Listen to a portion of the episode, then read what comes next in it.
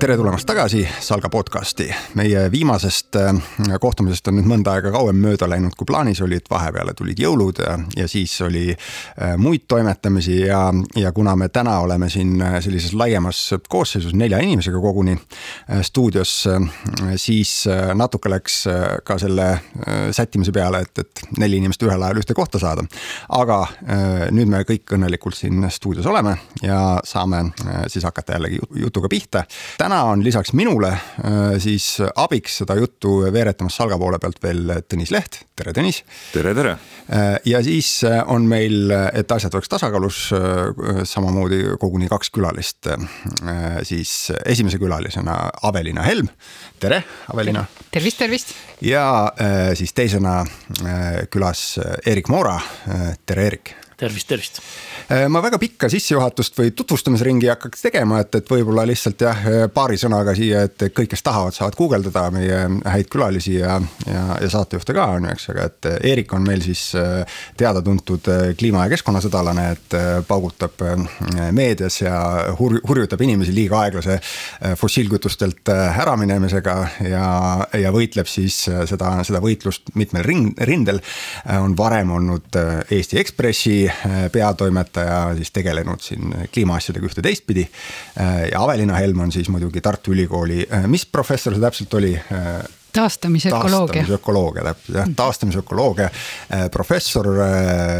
olnud pikalt tegev igasugustes erinevates kliimateemalistes koostöökogudes ja, ja formaatides ja täna oled sa siis ühtlasi ka sellise tähtsa organi aseesimees isegi vist kliimanõukogus või? jah, just ja et ähm, ma võib-olla hakkakski korraks sellest otsast pihta, et, et mis institutsioon siis täpselt äh, kliimanõukogu on ja millega, millega tegeleb ja, ja mis, mis eesmärgid, et niimoodi kõrvalt vaadates mulle tundub see selline. koosseisu vaadates, seal on palju tuttavaid nägusid ja inimesi, aga, aga ta on sihuke isegi mitte luikhaugvähk, vaid tundub selline kasside karjatamise äh, formaadi moodi asi olevat. ütleks, et kliimanõukogu äh, senised koosolekud on küll möödunud suure koostöö vaimus ja pigem eh, niimoodi mõtestades seda üleüldse seda kliimaseaduse eesmärki. tegelikult kliimanõukogu eh, nii-öelda eesmärk, nagu meie oleme seda ise mõtestanud seal nõukogus, on siis, eh, on siis kokku panna need sisendid, mis tulevad töörühmadest ja vaadata neile otsa ja vaadata, kas asjad on selle võrra balansis, et kas, kas nii-öelda töörühmade kaupa on ikka kõigele mõeldud ja kas, kas ütleme, see kollektiivne teadmine, mis omakorda seal kliimanõukogus tekib, et kas see siis aitaks natukene tasakaalustada asju ja, ja kliimanõukogu koosolekutest võrsuvad sellised ettepanekud, mida siis äh, töörühmade ja, ja siis äh, ka seaduse juhtkogu äh, peaks ja võiks arvesse võtta ja omakorda siis nii-öelda seadusesse panna ja sa ütled, et selle juures kõik on selline suur koosmeele koosmeele õhkkond ja et kõik tahavad ühes suunas seda vankrit vedada? seni ma ütleks küll, et on, on väga palju sellist ühtset nägemust selles osas, et, et ambitsioon peab olema, et, et vajadus sellise eh, visioonika eh, muutuse järgi ja võib-olla ka struktuurse muutuse järgi. noh, hästi palju on seal selliseid majandusinimeste hääli ja, ja nende ja ka nende suust on nagu rõõm kuulda või nende mõtteid äh, rõõm kuulda selles osas, et, et ka nemad näevad sellise süsteemse muutuse vajadust, mis siis lükkaks tervikuna Eesti, Eesti edasise arengu sellise jätkusuutlikumale teele. nii et äh, jah, praegu need koosolekud, mis meil on olnud, on tõesti huvitavalt üksmeeles äh, läinud. no mina saan aru, et teil see ambitsioon on väga kõrge, et juba selle aasta siis suveks küpsetada valmis Eestile uus ja värske enneolematu kliimaseadus, mis peaks siis, peaks nii-öelda kliima ülemineku ja sellega kaasnevad reformid. ja, ja seega, kuivõrd me peame ühest või teisest sektorist siis kasvuhoonegaase nii-öelda heidet vähendama, et selle kõik paika panema, et vähemalt nii-öelda laiemad eesmärgid, aga kuidas see seltskond on õnnestunud niimoodi kokku saada, et siis, et seal nii-öelda selliseid arvamusi ei ole või jõude, kes nagu üldse seda probleemi eitaks või nii-öelda kelle, kelle jaoks see tegelikult kogu see kliimaseadus on ju, töötab nende nii-öelda idee, ideestiku ja eksistentsi vastu ja et ütleks, et äh, võib-olla siin erinevatest äh, nii-öelda seaduse loome juures olevatest erinevatest äh, rühmadest, näiteks töörühmadest, sealt kindlasti tuleb väga palju erinevaid hääli ka loomulikult nendest sektoritest, mida see muutus väga otseselt puudutab, eks ole, mis on täna väga heitemahukad, kus me just hiljuti ka nõukogus hakkasime kokku panema sellist ülevaadet äh, sellest, et milline, millises sektoris, kui palju lisandväärtust või kui palju töökohti on seotud näiteks äh, ütleme tonni heitmega, ehk siis, et, et tuua sellist valdkondade ülest vaadet selles, et millised Eesti sektorid on need, mis meie nii-öelda sellist ühisest võib-olla kasvuhoonegaaside eelarvest kõige rohkem võtavad ja samas võib-olla mitte piisavalt ei anna, et need vajavad sihukest Äh, sellist äh, suuremat struktuurset muutust. ja selge on see, et, et võib-olla kliimanõukogu tasemel ja ka ministeeriumi tasemel see nägemus, ütleme sellist ambitsioonist on, on olemas. Äh, kuid, kuid loomulikult nagu töörühmade sees on ikkagi väga palju arutelusid, sest ilmselgelt on osad sektorid nagu täna natukene soodsamas seisus ja teised ikkagi on noh, kel tuleviku vaat-, väljavaated äh, on nagu kehvemad, neil, neil see muutuse vajadus on palju suurem, noh näiteks siin äh, turbatööstus, äh, mäetööstus kas te laevandusest, ka räägite seal või on see Eesti all või on see rahvusvaheline? ja laevandus on, on, laevanduses on, ütleks isegi võib-olla kõige sellised optimistlikumad ähm, vaated olnud, olnud selles osas, et millised võivad olla uued võimalused Eestile, et, et nemad on ka nendest võimalustest kõige rohkem rääkinud, teistest töörühmadest on, on päris palju tulnud ka sellist vaadet, et mis on takistused, et miks ei saa seda muutust tuua Eh, esile, et, et võib-olla järgmistes või noh, üks, üks soovitus, mida kliimanõukogu ka nüüd annab eh, töörühmade järgmistele koosviibimistele, ongi siis otsida hästi, eh, hästi põhjalikult kõiki neid võimalusi ja siis just see merendusega seotud valdkonnad on siin esile toodud kui, kui need, kes neid võimalusi on esimesena kaardistanud, et, et mida see muutus, see muutuse vajadus, milliseid nagu selliseid konkurentsieeliseid ta võiks Eestile pakkuda ja see muutuste või võimaluste otsimine, noh, see retoorika ja see, see nagu idee on selle seaduse tegemise juures ju hästi äh, esiplaanil. ja ise, ise ma olen ka selles ühes energeetika äh, teemalises töörühmas, natuke koordineerime ka teiste äh, rühmade üleselt, et mis seal siis räägitakse või nii-öelda jagame materjale ja infot ja mõtteid ja nii edasi. tõsi on, et seal on, on noh, igal juhul on seal olemas, seal on esiteks kõik erakonnad esindatud oma esindajatega, on ju, ja seal on esindatud äh, ka väga erinevad ettevõtted, ka väga erinevad ettevõtjad, kelle nagu selline kaasaminek äh, maailmas toimunud või sellise nagu olukorra teadlikkus on, on veidi teistsugune või mõnevõrra teisel ajal omandatud. Ja, ja siis seetõttu on ka nendel võib-olla vähem valmidust muutusteks ja rohkem soovi rääkida nendes töörühmades küll ühest, küll teisest ja küll ka põhimõtteliselt taas sellest, miks midagi teha ei saa aga, aga, aga noh, ma arvan, et tervikuna ikkagi et selles kontekstis on see nagu võimalikele lahendustele arutelu suunamine ju väga õige. aga, aga noh, üks asi on ka see, et et, et ega selliste nagu uute meetmetega või uute mingite valitsusbürokraatlike ähm, selliste võimalustega või ma ei tea, riiklike rahasüstidega seda asja ära ei tee. et see eeldab ikkagi nagu väga laialdast äh, muutust ka nende sektorite sees, ettevõtetelt endilt. tuleb ka see välja öelda, et ikkagi arvestatav hulk tegemisi äh, äh, tegelikult nendesse uutesse süsiniku eelarvetesse ikkagi ei mahu peagi ma tõmbaks korraks seda, seda raami mm, veidi teise nurka, et üks, üks asi, mis ma enne, enne seda ära mainiks, siis ma just enne panin tähele, et äh, Aveliina, sa olid hästi ettevaatlik äh, selle, sellega, et sa ei rääkinud süsinikuheitest, vaid sa rääkisid äh, üldiselt laiemalt heit, heitmetest ja kasvuhoonegaasidest ja asjadest, on ju, eks. et sa mainisid praegu eraldi süsinikku, aga et ma saan ka aru, et siin on, see on üks asi, et tavaliselt mõeldakse ainult süsiniku CO2-st, on ju, eks, et tegelikult see kogu pakett, millega siis kliimanõukogu kliimaseadus tegeleb, on, on selle heitme osas palju, palju laiem. ja, ja see, see lihtsalt on, tegelikult see on, isegi selle üle vaidlemine on selles mõttes nagu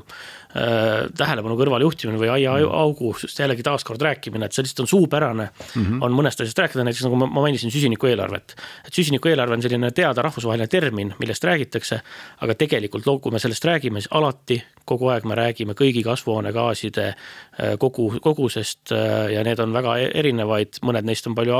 agressiivsemad kliima suhtes kui, kui süsihappegaas. aga seda mõõdetakse ka süsihappegaasi ekvivalentides, see tähendab seda, et taandatakse sellele mõju nagu sellele, mis oleks süsinikul või süsihappegaasil, mitte siis süsinikul. ja see tähendab seda, et, et see on mõnes mõttes ajaraisk, et ükskõik, kuidas sa nimetad, peaasi, et saaks lühidalt ja kõik aru saaks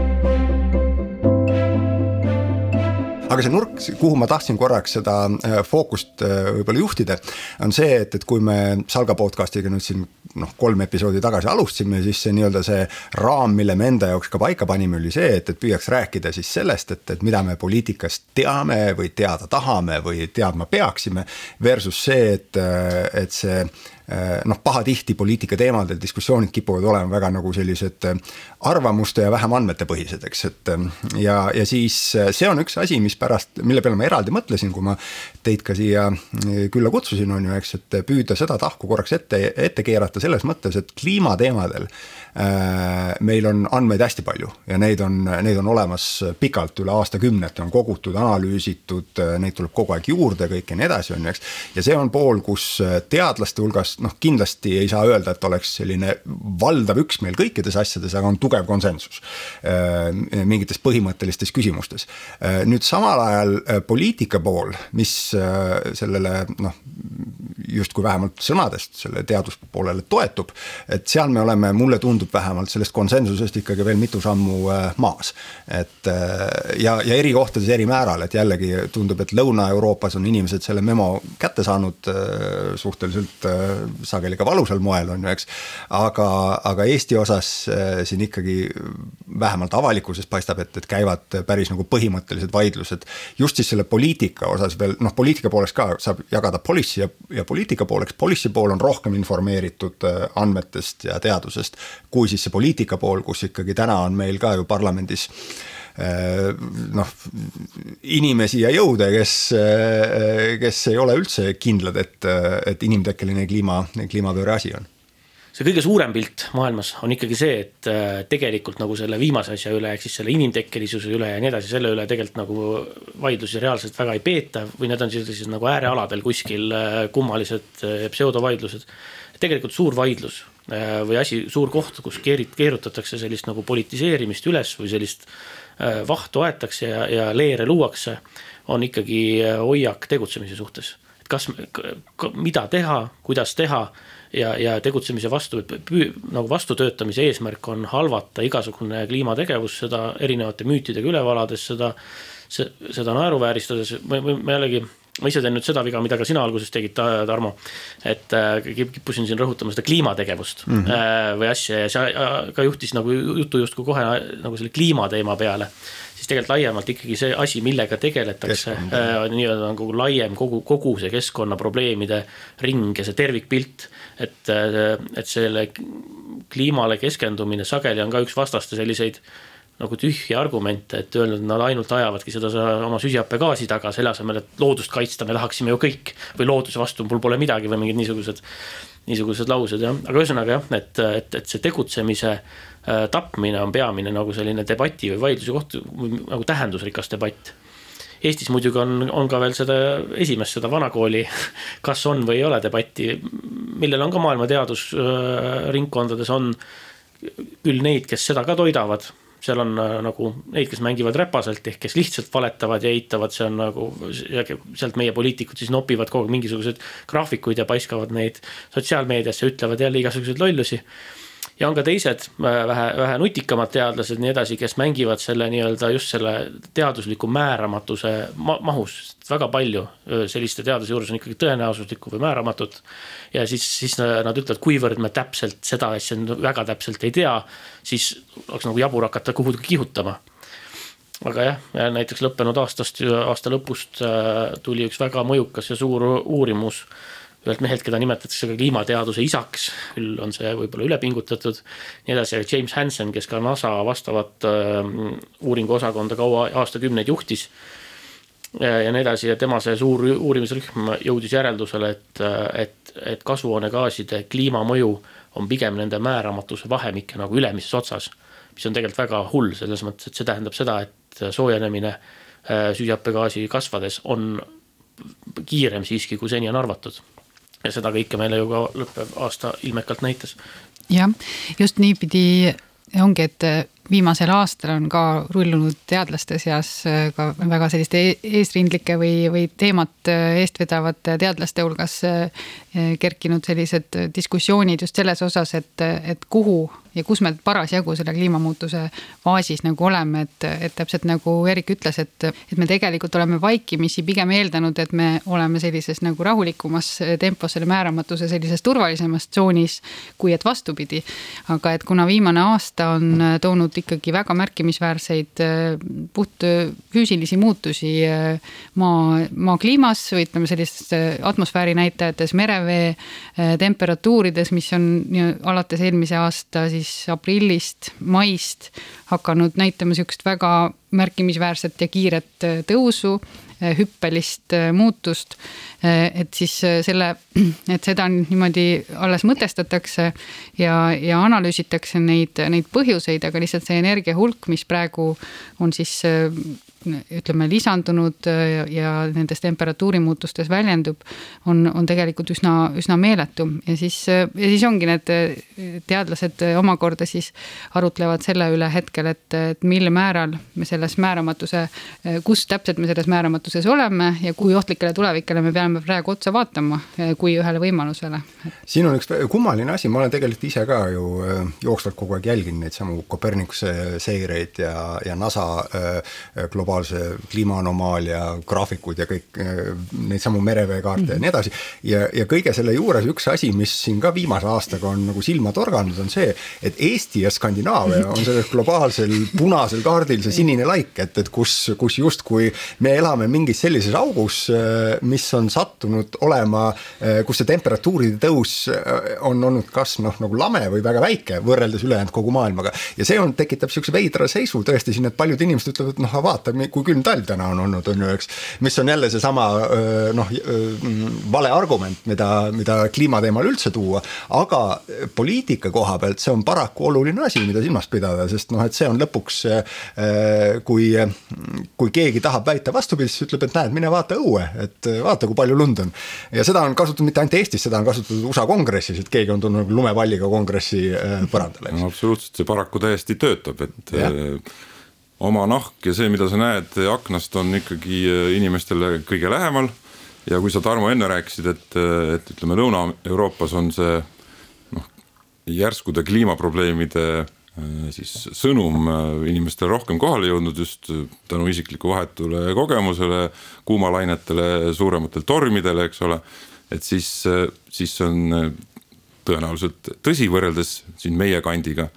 aga, aga need sõnumid ikkagi jah, ei, ei pruugi ka seal ju nii üks-üheselt kohale jõuda ja tõlkuda nii-öelda see kliima reaalne akuutsus ei tõlku automaatselt äh, poliitikute seisukohtadesse ja, ja erakondade seisukohtadesse, seal on ikkagi see nii-öelda maailmavaateline äh, ja senise poliitika ajamise, tegemise filter ja ajalugu on, on vahel, et, et, et ka kuskil seal Lõuna-Ameerika, Lõuna siis Euroopas on endiselt olemas ju need erakonnad, äh, noh vaatame, et eeskätt on küll seal parem äh, populistlikul tiival, kes, kes on siiski suhteliselt sarnastel positsioonidel ka meie analoogsete erakondadega siin EKRE või ka ja või ka pisut tsentristlikumal, konservatiivsemal positsioonil olevate erakondadega, mis võib-olla ei näe ikkagi seda kliimamuutust teab kui keskse probleemina ja, ja, ja ka neil on, neil on tegelikult kasvav valijaskond endiselt ka olemas. See on hästi huvitav selles vaates, et, et tegelikult Eesti, noh, esiteks ta ei ole ju mingi saarekene siin, et, et paar viimast aastat on tõesti huvitaval kombel need globaalsed äh, mustrid nõndaviisi välja mänginud, et meie oleme mingisuguses oma oaasis siin. aga kui ma näiteks äh, võrdlen seda, et kui ma kliimateemadel arutasin, kas äh, näiteks põllumeestega, Eesti põllumeestega siin viis või seitse aastat tagasi, siis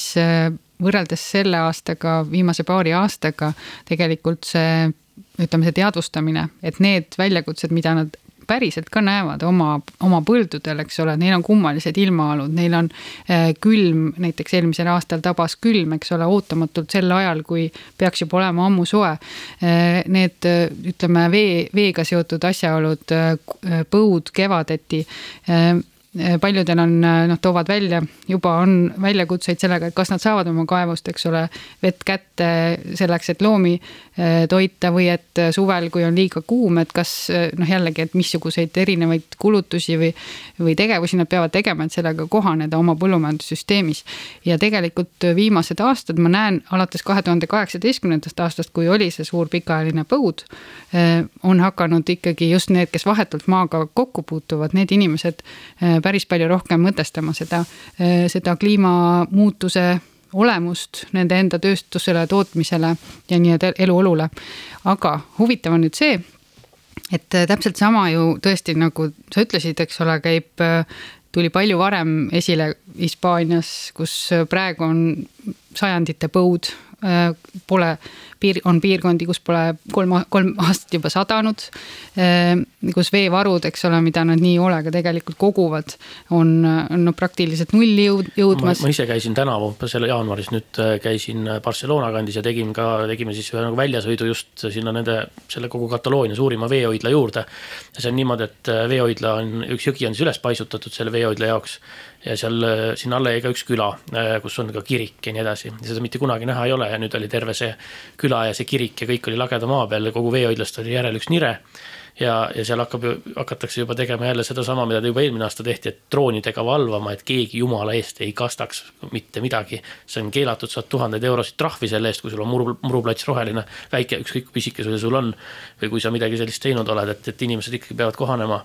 nagu erakordselt väikeste veekogustega. aga nüüd ongi väga huvitav see, et, et kas see nagu vägagi silmaga nähtav muutus, vägagi isiklikult tunnetatav muutus, millel on selge seos selle kliimamuutuse olemusega, et kas see siis nagu inimestes tekitab tekitab nagu soovi tutvuda selle teadusega, nende lahendustega ja siis neid toetada. või siis, või siis vastupidi, mida me tegelikult ju näeme sellise mm, ütleme võib-olla tungiga hoopiski leida erinevaid alternatiivseid seletusi ja, ja pöörduda nagu selliste lõõgastavamate ja, ja ütleme, meeleolu paremini üleval hoidvate lahenduste juurde, et süüdi on mingisugused, ma ei tea, olenevalt kes mida, aga et globaalsed no vandenõud või. süüdi ei ole tingimata ka vandenõud, aga noh, süüdi on igal juhul äh, keegi teine või siis, et neid lahendusi konkreetsetele probleemidele, mis pahatihti ju ei ole ainult lokaalsed, need lahendused on, eeldavad palju suuremat koostööd, et siis, siis neid, neid lahendusi pigem peaks tegema nii, et äh, seda nii-öelda rahalist või muud valusat koormat noh, kannab keegi teine, et äh, mõni teine sektor, teised inimgrupid ehk et, et äh, mitte need, kes on nii-öelda konkreetselt selle häda käes ja võib-olla ka on selles sektoris tegevad olnud, mis on aidanud selle häda tekitamisel kaasa, eks ole sest jah, selle poliitika poole pealt on ju, eks nüüd, kui korraks veel, veel sellesama isikliku kogemuse ja isikliku puutumuse versus siis sellega, et kes viitsib teadusega tutvuda ja, ja sellesse süveneda. see on, see on asi, mis noh, kui, kui sellest samast Lõuna, Lõuna-Euroopast juttu oli, siis seal on ikkagi väga suur hulk inimesi saanud isikliku kogemuse, mida see kliima ja keskkonnamuutus tähendab ja kaasa toob, on ju, eks. noh, Aveli, nagu sa rääkisid seda, et, et on põllumajanduses on need hoiakud muutunud, jah, ma näen seda veidike ka ise, ma muide, ma olen ise kasutanud äh, päris edukalt juba jupp aega ühte sinult näpatud või laenatud äh, sellist äh, moodust või asja. ma kuskilt sinu mingist esinemist mul hulk, mitu aastat tagasi jäi kõrva see, et kuidas sa rääkisid kullerkuppudest, see, et, et kuidas nagu noh, kullerkupud on nagu kunagi, mis oli nagu Eesti niitudel, mina ka enda lapsepõlvest, mis on nüüd juba ikkagi nelja aastakümne taga on ju, eks mäletan, et see oli asi, mis oli igal pool. et kui sa nii-öelda õuest välja läksid kuskil niidule, siis kullerkuppusid olid kõik kohad täis, on ju, eks ja nüüd tõesti ise oma Lõuna-Eesti kodus kodus, äh, maakodus äh, kolme poole hektari peal ringi vaadates ma ei näe ühtegi kullerkuppu, et ei ole lihtsalt on ju, eks. ja see on asi, mis on justkui nagu noh, nähtav ja tajutav asi, kui sa oled selles keskkonnas. aga kuhu ma tahtsin tulla tagasi ja see on jälle üks nagu väike andmekild on ju, eks, et et Eesti osas mul oli ka kunagi see statistika olemas, aga, aga võtame korraks sihukese laiemalt, noh et Euroopas näiteks noh, Prantsusmaal on ju, eks kaheksateistkümnendal sajandil põllumajandus oli hõlvatud umbes sihuke suurusjärgus kaheksakümmend protsenti elanikkonnast, siis täna see on kuskil nelja protsendi kandis on ju, eks. ja, ja see on see, et, et sellest on vähe, eks, et, et kui põllumehed saavad aru, et, et meil on mingisugune probleem, siis põllumehi on vähe täna alles jäänud. aga samal ajal hästi paljude noh, nii-öelda tavaliste inimeste jaoks, kes linnas elavad ja see, et see retoorika, mida siin ka noh, Monika Helme on näiteks ju pruukinud, et, et mis selles halba on, kui on, kui on ilusad ja soojad suved on ju, eks, või et. et ja talvel vähem kütma peab ja, ja kõike seda, et siis see, sellel on ikkagi nagu oma noh põrkepind, et äh, seda võetakse hästi-hästi kergelt vastu ja see ei ole ainult inimeste isiklikud kogemused, vaid jällegi ka mõned aastad tagasi, kui ma olin mingil ühel suurel rahvusvahelisel strateegiakonverentsil, väga kõrgetasemelisel ja kus siis oli ka juttu sellest, et ikkagi geopoliitiliselt näiteks Venemaa ütleb, et äh, noh, see on ju suurepärane, et kui Põhjameri laevatatavaks muutub, et, et see on, see on neile nagu super hea. see on neile suurepärane, kui äh, Siberis kliima muutub soojemaks, saab võtta kasutusele uued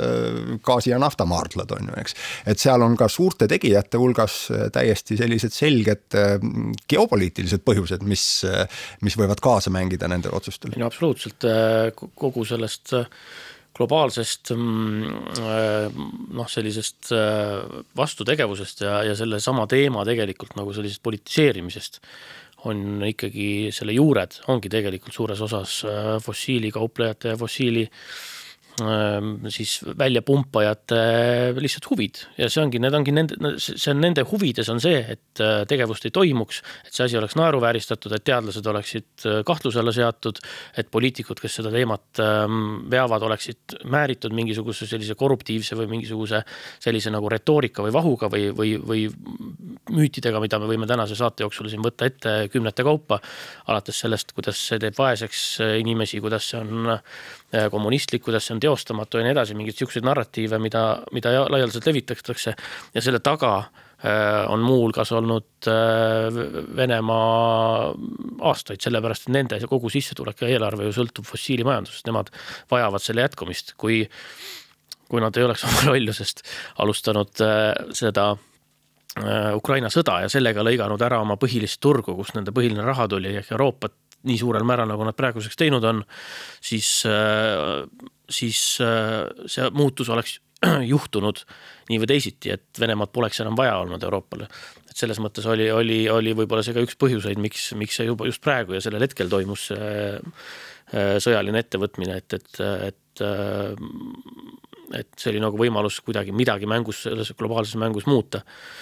aga, aga ja samamoodi kõik need äh, Lähis-Ida naftariigid on väga jõuliselt panustanud sellesse äh, kümnete, sadade miljonite dollaritega ja samad maailma suurimad äh, fossiili firmad, kes on aastaid kahepalgeliselt varjanud, teades väga hästi, mis on nende keskkonnamõju, varjanud seda ja, ja seda levitanud ja, ja vaata neid, neid narratiive levitanud. Ja, ja, ja noh, tulemus ongi see, et et meil ongi selline segadus, sest et pole paremat asja nagu tegevuse peatamiseks, kui, kui just selline nagu vastanduv politiseerimine. seda kinnitab ka keskkonnapoliitika ajalugu või noh, see, et maailmas on, on asju, kus maailmas on lahendatud väga suuri sarnaseid keskkonnaprobleeme äh, väga tõhusalt ja väga kiiresti äh, tänu sellele lihtsalt, et neid ei ole lastud äh, politiseerida, vaid neid ongi lahendatud kui konkreetseid keskkonnaprobleeme. no eks ütleme fossiilipumpajate ja ja, ja siis äh, Venemaa, kelle võib-olla geopoliitiline huvi on, on, on selle kliimasegadusega destabiliseerida maailmas toimuvat ja nende kõrval on muidugi noh, teisi gruppe ja, ja majandussektoreid, mis on samuti ütleme siis kliimareformide või rohereformide suhtes omajagu kriitilised, aga kes ei ole nüüd nii fundamentaalselt äh, äh, nii-öelda kahtlastel lähtepositsioonidel, noh kasvõi sama rääkisime siin põllumeestest, et siis praegu on ju üle Euroopa rullumas ju, ju põllumajandustootjate, farmerite siis protestid äh, jõudnud siin sisuliselt vist Lätini nüüdseks välja, vähemalt pisikesel tasemel, Leeduni suuremal äh, määral, eks igal, igas riigis on omad natuke individuaalsed äh, mured ka, aga, aga, aga noh, olulised argumendid, mille, mille pärast äh, traktoritega tullakse siis valitsuste parlamentide ette on, on, on ka nende hinnangul siis nii-öelda järsult karmimaks muutunud keskkonnanõuded ja kõik, kõik see, ütleme, heitmete vähendamise surve, mis, mis sektorile tuleb ja no see, mida see näitab, on seda, et nii-öelda on sektoreid, kes on siis mures, äh, kuidas, äh, kuidas nad äh, selle üleminekuga hakkama saavad, kui suurt hinda ettevõtetena maksavad, töötajatena selle eest maksavad et noh, nende positsioonist tuleb ka aru saada, et nad otseselt ei ole nüüd kogu selle, ütleme kliimapöörde vastu, eks ole. et neid, nemad on siis, ma saan aru, praeguses ütleme kliimaseaduse protsessis on sellised grupid meil õnneks kaasatud, aga, aga, aga, aga neil mured on olemas noh, see on nagu nii ja naa natukene, et, et tegelikult, mis jääb ju vaatamata või sinna kõrvale asetamata, on need ära hoitud kahjud, mida me tegelikult nende kliimategevustega tahame nii-öelda saavutada, ehk siis ega see tulevik ei ole tänane päev. eks see on nagu pidev viga, mida me teeme, et, et me pikendame seda, mis me täna kogeme, eile kogesime, eelmine aasta kogesime et olgu, see on, see on nüüd uus kliimareaalsus, elame sellega aegade lõpuni, aga ei ole ju niimoodi, iga, iga aasta.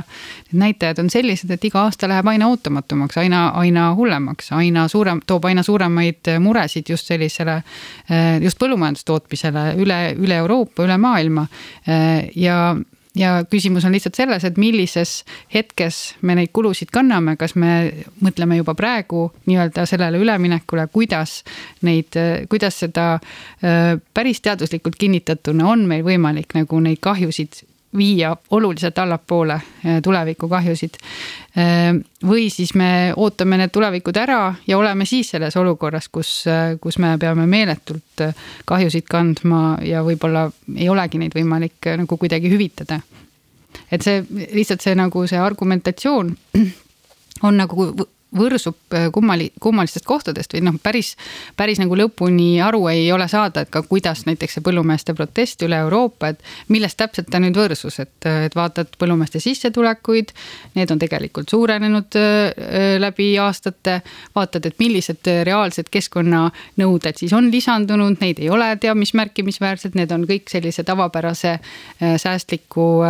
ütleme, tavapärase normaalse eh, põllumajanduspraktika raames, mida niikuinii peaks rakendama. Eh, võib-olla siin need riigid välja arvata, et, et kus Hollandis, eks ole, nende, eh, nende suur, suur lämmastiku probleem on reaalne teema, mis siis, mis siis otseselt tootjaid väga mõjutas, aga üldiselt Euroopas on need üsna, üsna väikesed muutused olnud, et pigem on see muutuste kartus või see muutuste ootus, mille vastu siis täna nagu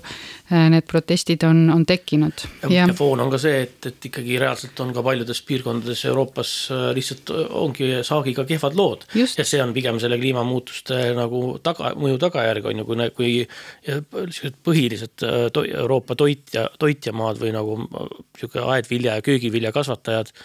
nagu a la Itaalia ja, ja Kreeka, kus on harjutud võtma kolm saaki aastas, siis täna neil on raskusi kahe saagi kättesaamisega juba lihtsalt selle tõttu, et ei, ei jagu äh, vett ja, ja, ja on nii palav ja on põud ja nii edasi. et, et see, see ongi mitmetahulisem, ega ka nende nõudmised ei ole nii, nii äh, ühtsed äh, ka maailmavaateliselt ja, ja, ja ka kõigil muul moel. Aga noh, ma ütlengi, et, et võtmeteema või võtme aspekt äh, siin ongi seesama selline mm, nagu kas sellise rahulolematuste, kannatuste, raskuste ja kõige muu sellise asja õnnestub äh, politiseerida ja tõmmata poliitiliseks debatiks või, või, või tegeleda nende küsimustega mm, noh, niimoodi nagu äh, kuidagi jooksva demokraatliku protsessi käigus konstruktiivsemalt. no kas siin see suur osa sellest hädast ei olegi see, et, et noh, erinevad inimesed mõistavad seda jooksvat demokraatlikku debatti natukene erineval moel ja, ja kui äh, on inimesed, kes mõistavad seda, kui et tuleme sellesse Agoraale või turuplatsile kokku ja, ja arutame seda nii, et noh, et igalühel peab olema võimalik sellele kaasa rääkida, siis see tingimata, viidates su enda varasemale tähelepanekule, ilmselt ei ole kõige valutum ja efektiivsem moodus äh, äh, kliimapoliitika teemadel tulemusteni jõuda. ja, ja aga üks, ühest asjast peab ka nagu aru saamagi, et kõik see, see üleminek, mis juba niikuinii käib, väga suures osas majandus käib sellise hooga ja pidurdamatult, pöördumatult selles mõttes äh, ju on see toimunud ja toimumas ja toimub edasi. et see lihtsalt ongi väga sihuke segane ja kaootiline protsess et siin on neid vastakaid signaale, me saame nägema veel aastakümneteks ja, ja, ja me ei saa, me ei ole ühelgi, ühel hommikul ärgates kohal. ja, ja, ja me ei ole, me ei saa ka panna näppu peale, et kus maal me nüüd täpselt oleme, igaüks saab panna. aga järgmine päev juhtub midagi, mis selle asja ümber keerab, ehk siis see tuleb, äh, neid kaotajaid ja võitjaid on siin paljudeks aastateks, paljudel teem-, miljonitel teemadel kogu aeg ja, ja selles mõttes äh, taolist äh, ärevust kohtame nii ühelt kui teiselt poolt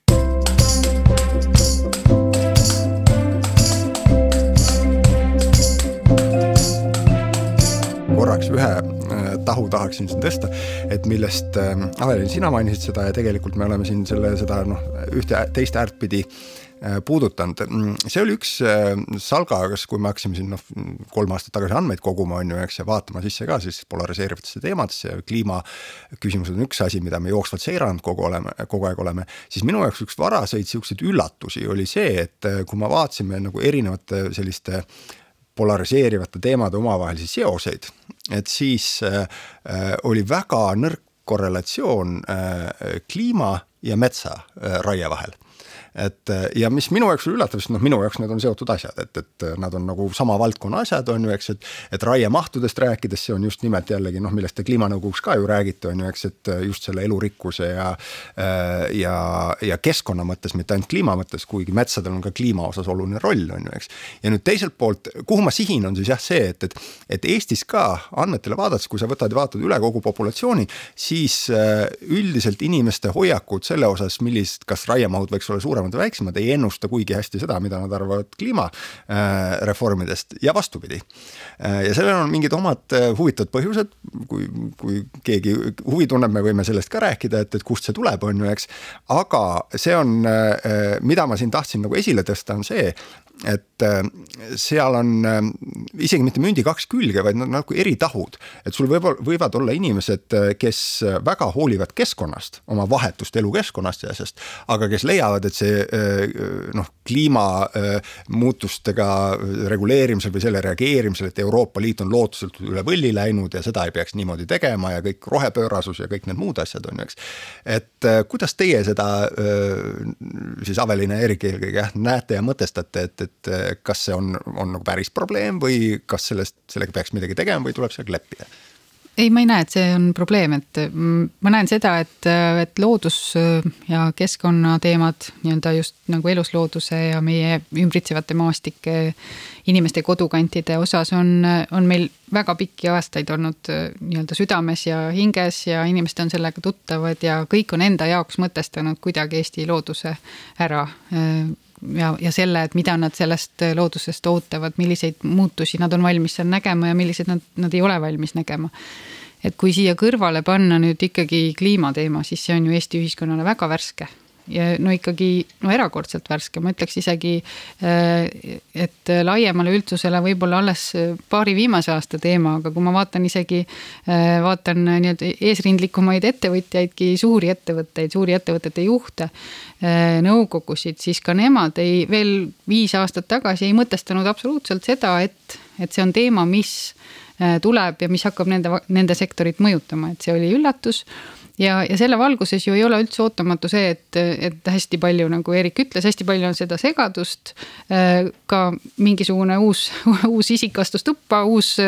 uus teema kerkis lauale ja nüüd äkki peavad kõik olema selleks nagu valmis ja. et, et ma arvan, et, et siin on seda setitamist omajagu ja loomulikult seda aega saab, kus inimesed setitavad, mõtestavad seda enda jaoks, koguvad teadmisi. seda aega saab ära kasutada suure segaduse tekitamiseks samuti ja, ja selliseks äh,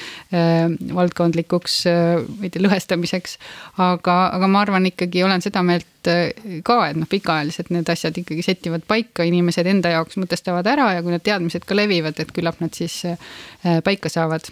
et äh, ma ei usu, et no ma ei tea, ma olen nagu pidev optimist, aga näiteks need. ma just tahtsin öelda just, et, et need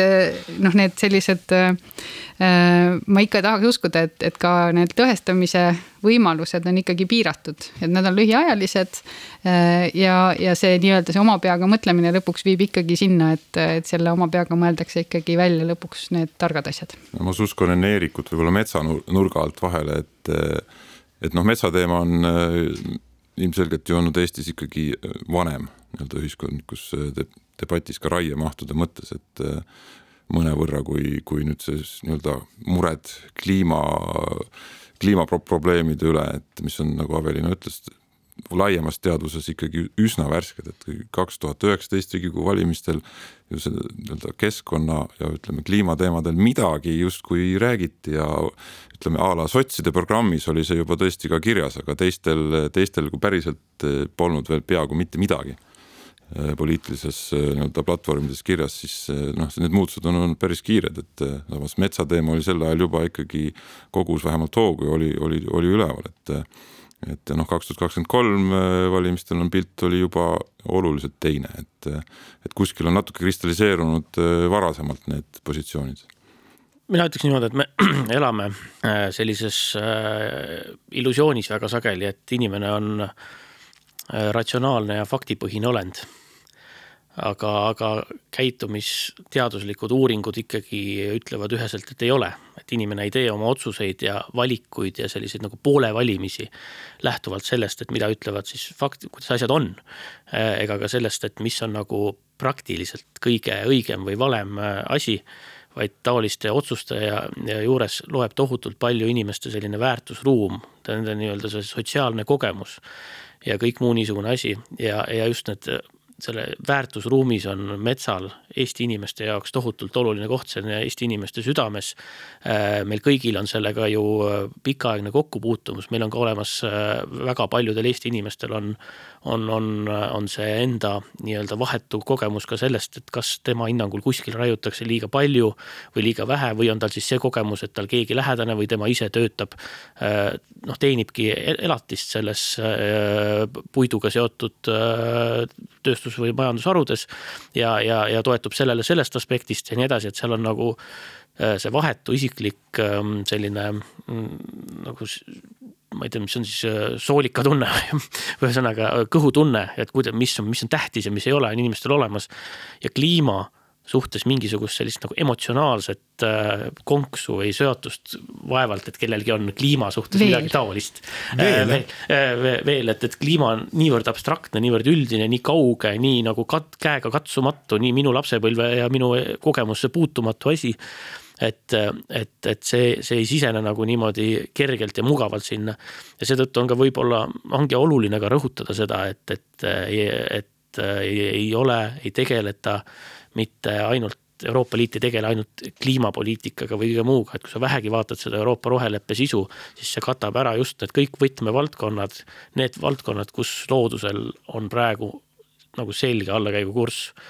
kus on, taastatakse elurikkuse jaoks neid elupaiku, selle jaoks on eraldi oma tegevused, arud, see, et vähem paiskaksime mürke loodusesse, selle jaoks on ar eraldi arud, et me ei raiskaks loodusest võetud materjali, selle jaoks on eraldi suur poliitikakomplektid ja selles komplektis üks aspekt on see, et me ühtlasi ei, ei paiskaks õhku tasuta äh, selles mõttes ei saaks äh, saastata, äh, kasutada siis sellise globaalse kanalisatsioonina sedasama õhku, mida me hingame, et see on see loogika, mida on seni tehtud, et, et lihtsalt solk mis on antud juhul siis kasvuhoonegaaside kujul, on saanud üks väga suur oluline tööstusharu nagu energeetika laiemalt, on saanud lihtsalt paisata seda ilma pidurdamata nagu õhku. ja, ja see on see, see on see nagu mm, tunnetus mis, mis sünnibki raskelt, kuna see on selline suuremat sorti süsteemne asi, mis siseneb sageli faktide, graafikute mm, ja mõnes mõttes ka selliste nagu hirmutavate juttudena. Ja sealt leida just neid selliseid emotsionaalselt kütkestavaid lugusid, mis inimeste jaoks selle teema kõik elama ja kõnelema paneks, ongi suurem töö ja tuleb sammhaaval aga vot sinna ma tegelikult oma selle jutuga tahtsingi sihtida, et see, see, et inimene ei ole noh, näiteks oma poliitilistes otsustes ratsionaalne, et mulle ei ole loomulikult mingi üllatus, me näeme seda oma andmetest kogu aeg. aga,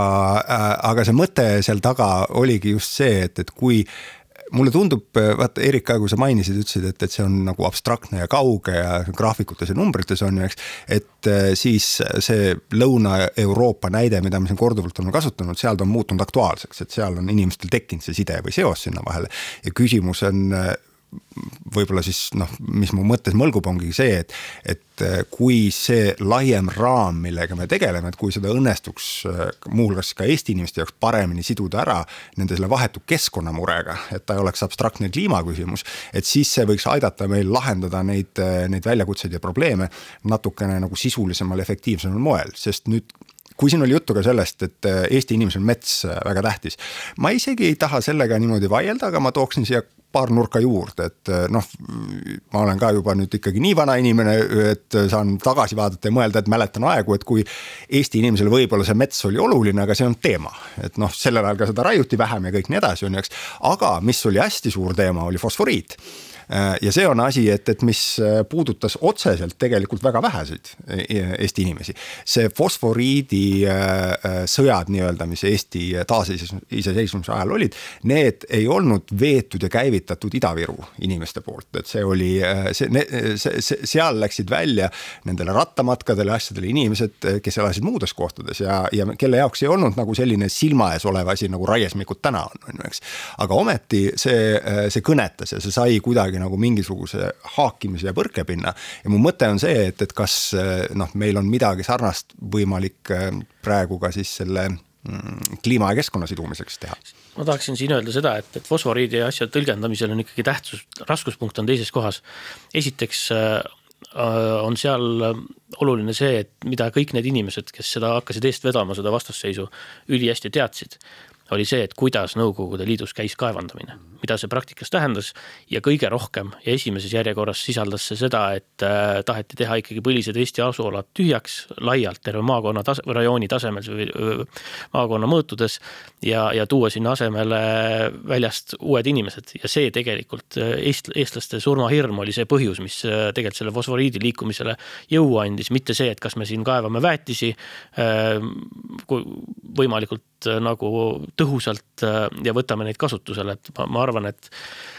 et, et äh, see küll on äh, loonud niisuguse nagu naljaka olukorra, kus ka täna Eesti maavarade kasutuselevõtt on ülimalt nagu tundlik, kuna veel mäletatakse seda hirmu ja seda paanikat. kuigi Eesti maapõues laialdaselt tänapäevaselt kasulikke ja vajalikke maavarasid eesotsas sellesama fosforiidiga ju leidub. ja kindlasti tänapäeval saaks seda ka paremini kaevandada. et see haav on sügav siiamaani, aga, aga, aga võtme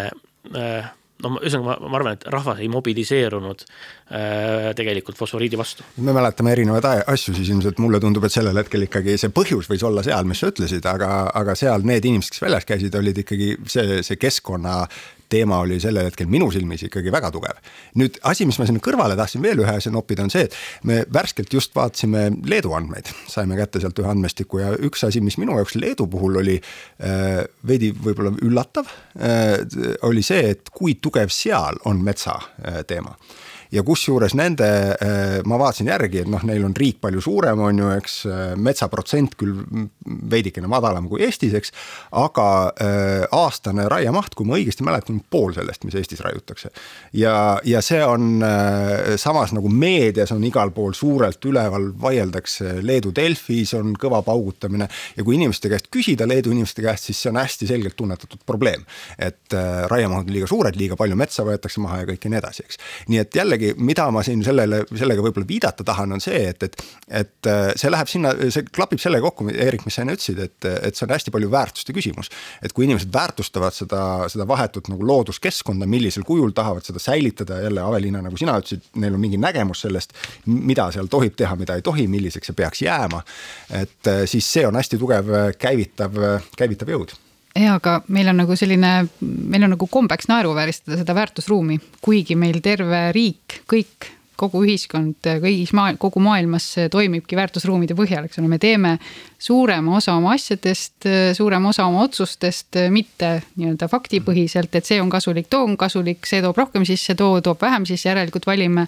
selle teise, vaid me teeme neid tulenevalt oma väärtusruumist praktiliselt äh, sada protsenti. Äh, me ei, ma ei tea, kui inimene jääb pensionile, me ei me ei eutaneeri teda koheselt, sest et äh, nii on palju ühiskonnale palju võib-olla vähem kulukas jah vaid et, vaid et me väärtustame vanaemasid ja vanaisasid ja nii edasi. kuni selleni välja, et millist riigikorda me, me tahame ja eelistame, kuigi see võib-olla ei ole kõige otstarbekam või kõige ratsionaalsem ja sama ja, ja no mis mind võib-olla selle metsadebati puhul või üleüldse looduse Eh, debati puhul ongi häirinud eh, enim on just eh, inimeste tunnetusliku mure naeruvääristamine, et see on tegelikult ühiskonnas sama oluline väärtus või sama oluline argument kui ükstapuha, kas siis, eks ole, puidu väärindamise, metsaraie koguste, võib-olla isegi nende nii-öelda tehniliste näitajate, et kui palju seda metsa raiutakse või juurde tuleb. aga mitte sinna ma ei tahtnud minna ega sellest rääkida, vaid hoopiski sellest, et kliimateemal, ma arvan, on, on sama valdkond. Äh, väärtusruumi mõistes ta jääb nagu kaugeks, aga kui nüüd isikustada äh, rohkem ära või kui igaüks mõtestab seda nõndaviisi, nagu ta kunagi äh, fosforiiti või täna metsa või tegelikult veel varem oli soodesõda Eestis, mil väga, väga selgelt positsioneeriti selles osas, et kas me tahame oma soid kaitsta või ei taha või kuidas nad säilima peavad. et kui, kui see kliima muutub äh, samuti käegakatsutavaks, ehk siis äh, igaüks tunnetab, et tänane, nagu Eerik hästi ütles, et, et täna reostatakse meie kõigi ühisruumi eks, et see, äh, kui, kui mulle eraldada see kuubik minu atmosfääri või, või see vesi, äh, mis on nagu minu osa sellest äh, maailmast, minu laste osa, siis, siis inimesed nagu suhestuvad sellele päri, ma arvan, päris palju tugevamalt ja tunnetavad seda, et, et kellegi teise õigus seda reostada pole tegelikult üle minu õigusest seda puhtana nautida või, või selles elada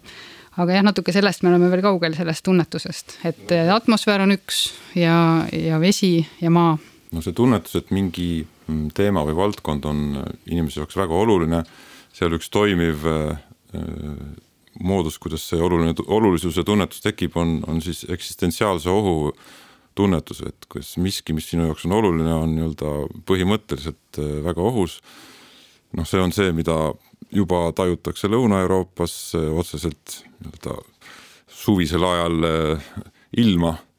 ja siis laiemalt siis kliimamuutust tajudes omal nahal.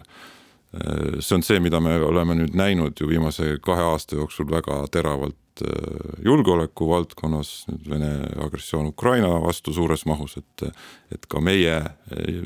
riigi eksistents ja julgeolek on eksistentsiaalses ohus tulem on see, et äh, tegelikult ühiskond ikka üld, üldrahvalikult on, on ikkagi toetanud äh, kaitsekulude järsku suurendamist ja, ja ka Ukraina otsest jõulist äh, abistamist, majanduslikku, sõjalist, mis on olnud noh, suur, suur kiire muutus. Õnneks ei ole veel Eestis nii-öelda see kliima vahetud mured omal nahal nii teravalt kohal, seetõttu see eksistentsiaalse, eksistentsiaalse ohu nii-öelda seos ei tööta nii hästi veel ja, ja, ja toimub hoopis palju sellist tõuke või vastureaktsiooni, et kui räägitakse sellest abstraktsest mm, eksistentsiaalsest ohust, mis kogu maailma ähvardab ja, ja noh, paratamatult siis kunagi ka meile kohale jõuab, siis noh, me ei taju seda. ja päris suured ühiskonnagrupid ju nii-öelda võtavad seda kui propagandat või nii-öelda väsitavat juttu, millele, millel on mingi, mingi teine eesmärk või mis ei ole nagu kohale jõudnud. ehk et äh, seni, kuni õnneks veel ei ole seda eksistentsiaalset ohtu meil oma käega kohal, et siis eks me peame ka sellist positiivset äh, elementi äh, esile tooma rohkem ja, ja ka just nii-öelda, kliimareformide, rohereformide juures ka, ka nii-öelda võiduelementi siiski välja tooma, et mis inimesele ka, ka kasu toob. mitte ära, ei hoia ainult äh, siis ohtu ära, et noh aga see muidugi ei ole lihtne ülesanne. ja selle, ma kaks vahemärkust äh, ütlen äh, lihtsalt meie üldise jutu nagu selliseks ju, juures mulle tundub, et on vaja või kommentaarina ka sinu öeldule.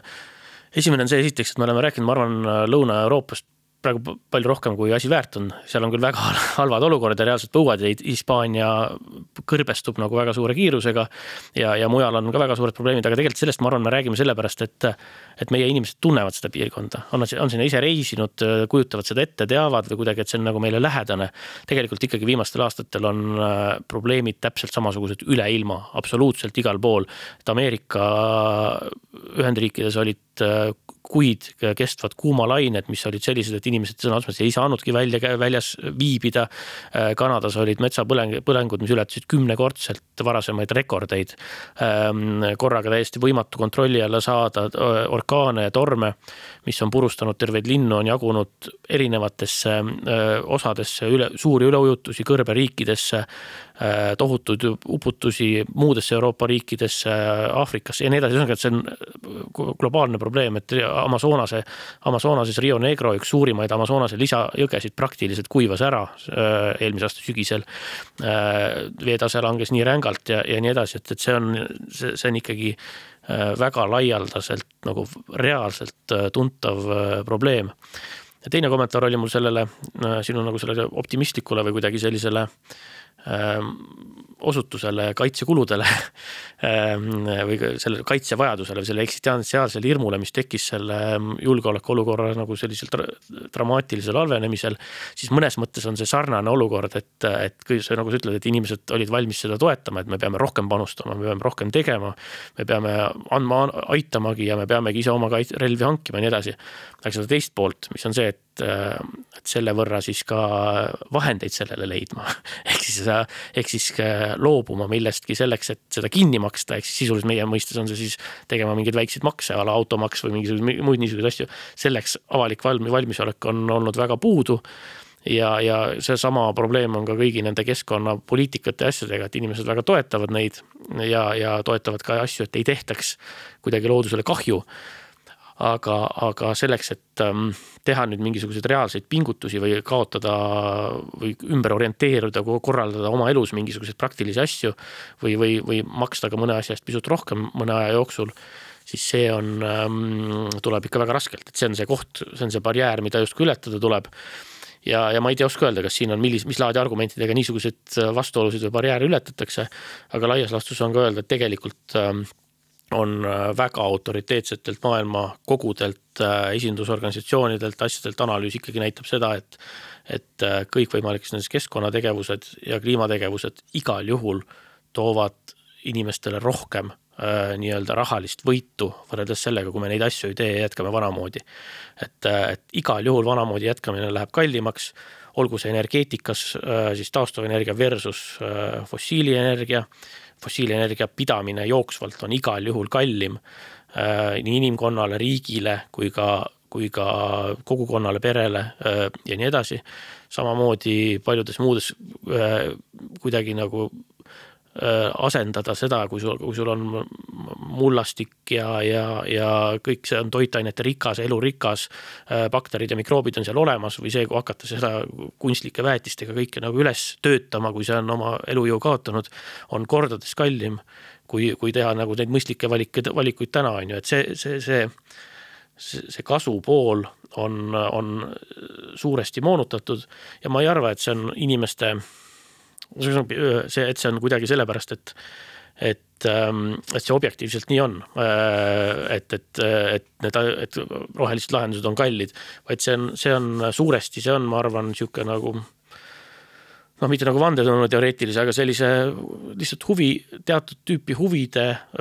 ebatavaliselt kõrge esindatus nagu avalikus debatis. et kui tegelikult, kui vaadata, siis kolmkümmend viis viimast aastat, alates juba sellest Rio asjast on olnud lääneriikides tegelikult kogu aeg keskkonna ja kliimapoliitikatele avalik toetus üle poole. alati on ühiskondade enamus toetanud otsustavat kliimategevust ja kus see siis seisma jääb on, on siis avalik selline meediaruumi kajastatav pilt ja valitsuste enda siis nagu selline takerdumine nende samade huvide rägastikku.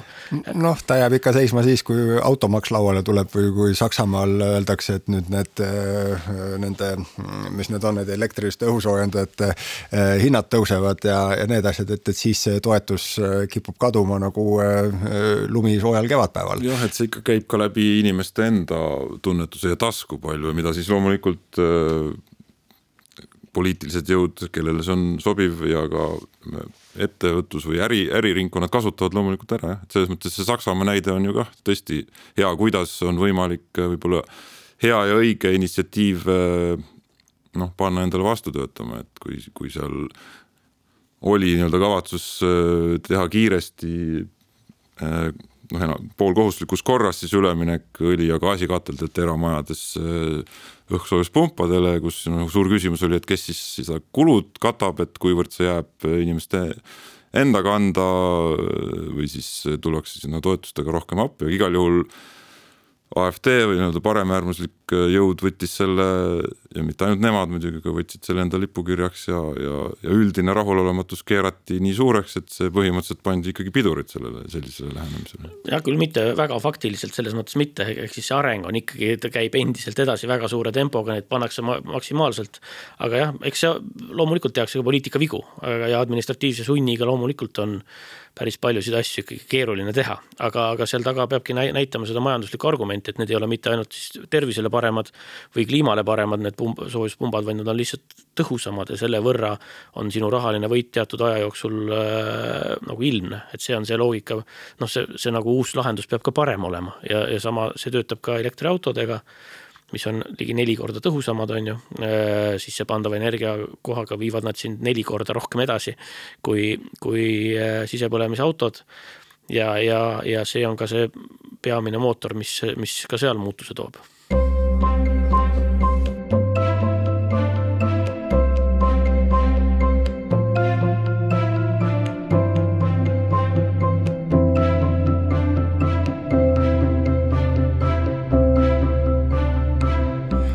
ma kasutaks seda hetke nüüd korraks, et tulla tagasi, siis äh, see on tegelikult ongi hea siduda selle teemaga, mm, kuhu me, kuhu ma enne lubasin, et tagasi tulla ja see tõukus siis äh, asjast, mida Eerik, sa enne mainisid ja mida sa praegu nüüd uuesti ütlesid, et, et noh, et see, need asjad liiguvad edasi suurel kiirusel ja peatamatult ja pidurdamatult, need protsessid. ja ma korraks püüaks sellele küünt äärele ajada ja küsida, et, et kas, kui pidurdamatu see asi ikkagi siis, siis tegelikult on, sest kui võtta ja vaadata, noh, kaks tuhat kakskümmend neli, kus me oleme, on ju, selle kohta on sihuke täitsa levinud äh, sihuke ütlus inglise keeles on see äh, aasta äh, year of electing dangerously. et kus sul üle kuuekümnes eri maailma riigis siis äh, tänavu läheb umbes kaks miljardit inimest valimiskastide juurde. Euroopa Parlamendi valimised on üks osa nendest, on ju, eks, ja iseenesest ma olen sellega punktiga nõus, mis sa ütlesid, et, et me räägimegi Euroopast rohkem, see on meile endale noh oma nahale lähemal, konkreetsem seos, aga osalt suuresti ka sellepärast, et Euroopa äh, siis, äh, Euroopa Liit on võtnud väga hulga, terve hulga väga äh, ambitsioonikaid kliimaeesmärke, mida siis püütakse viia ellu üle kogu kontinendi, mitte ainult üksikutes riikides, eks noh, seesama Fit for 55, mida me ilmselt saame ka veel mainida ja puudutada. ja sellega seoses on nüüd äh, asi, mida Tõnis enne mainis, on eks, et kui võtta ja vaadata praegu projektsioone Europarlamendi valimistele, siis äh, seal on äh, noh, suuresti näha ID Grupi, kuhu Eestist EKRE näiteks kuulub, on ju, eks, ECR-i tõusu, EPP siis nii-öelda selle traditsiooniliste keskpõranda konservatiivide tõusu ja, ja on tõsine nagu mure paljudel poliitikavaatlejatel või küsimus sellest, et, et võib peale neid valimisi olla siis noh, murduda see nagu aastakümneid kestnud hegemoonia Euroopas, kus äh, suur koalitsioon on olnud siis äh, PES-i ja EPP vahel või sotside ja konservatiivide vahel ja see võib asenduda äkki siis ID, EPP, ECR-i äh, koalitsiooniga. ja kui selline asi peaks juhtuma ja mõelda näiteks, et Ameerika valimised võiks võita Trump, et äh, siis noh, ma ei tea, Eerik, kuidas sulle tundub, et kui pöördumatu või kui kindel see, see progress on, mille rajal me praegu oleme? Kahe tuhande kuueteistkümnendal aastal šokeeris maailma võib-olla esimene selline nagu suure äh, demokraatliku riigi otseselt nagu kliima, agressiivselt kliimavastane see kandidaadi võit ehk Trumpi võit. kus see oli noh, üks mitte küll keskne, aga üks äh, mõne, mõnedest tema sellistest kandvatest äh, kampaania teemadest, kuidas ta lubas tuua söekaevandused tagasi ja nii edasi, ta ei toonud mitte ühtegi mitte ühtegi söekaevandust ei avatud Ameerikas uuesti äh, sellepärast lihtsalt, et, äh, et tegelikult söel on game over. ja, ja, ja, ja, ja seda, äh, maailmas on palju riike, kus seda kaevatatakse, loomulikult on uusi kaevandusi, mida võetakse kasutusele, on riike, kus tehakse uusi söejaamu, see on selge, aga uus energia, uus energeetika, ehk siis energia uue, uue selle energia, üha kasvava energiavajaduse täitmine juba ammu ammu muidugi on nüüd äh, tinglik, aga juba aastaid, ütleme siis, kaetakse mm, äh, taastuvenergiaga, praeguseks siis täielikult ja, ja, ja täna liigutakse, liigume me kursil, et, et kus võib öelda, et taastuvenergia, mis on võtnud juba fossiilkütuste koha üle, noh möödumas söest kohe või, või möödunud mõnede arvestuste kohaselt äh, kindlasti nagu lähiaastatel äh, kahekordistub ja suure tõenäosusega ta kahekümne, kahe tuhande kolmekümnendaks aastaks ka kolmekordistub ja see toimub sõltumata sellest, kes võidab Euroopa Parlamendi valimised või kes võidab, kes võidab USA valimised äh, sest et see on, selle taga ongi juba majanduslik loogika ja mis tõmbab selle asja ise käima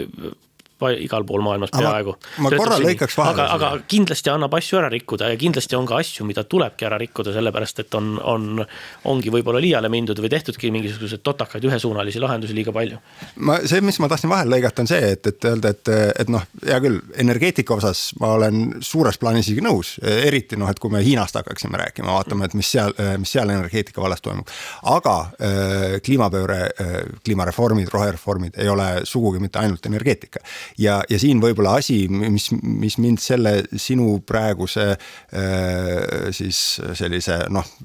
jõulise retoorika äh, juures äh, ütlemata jääb, on see, et, et see ei ole ainult küsimus selles, et, et kas Donald Trump tõi söejaamu tagasi, ei, aga ta näiteks pidurdas fracking'u keelamist. et see ei ole ainult asjad, et mis,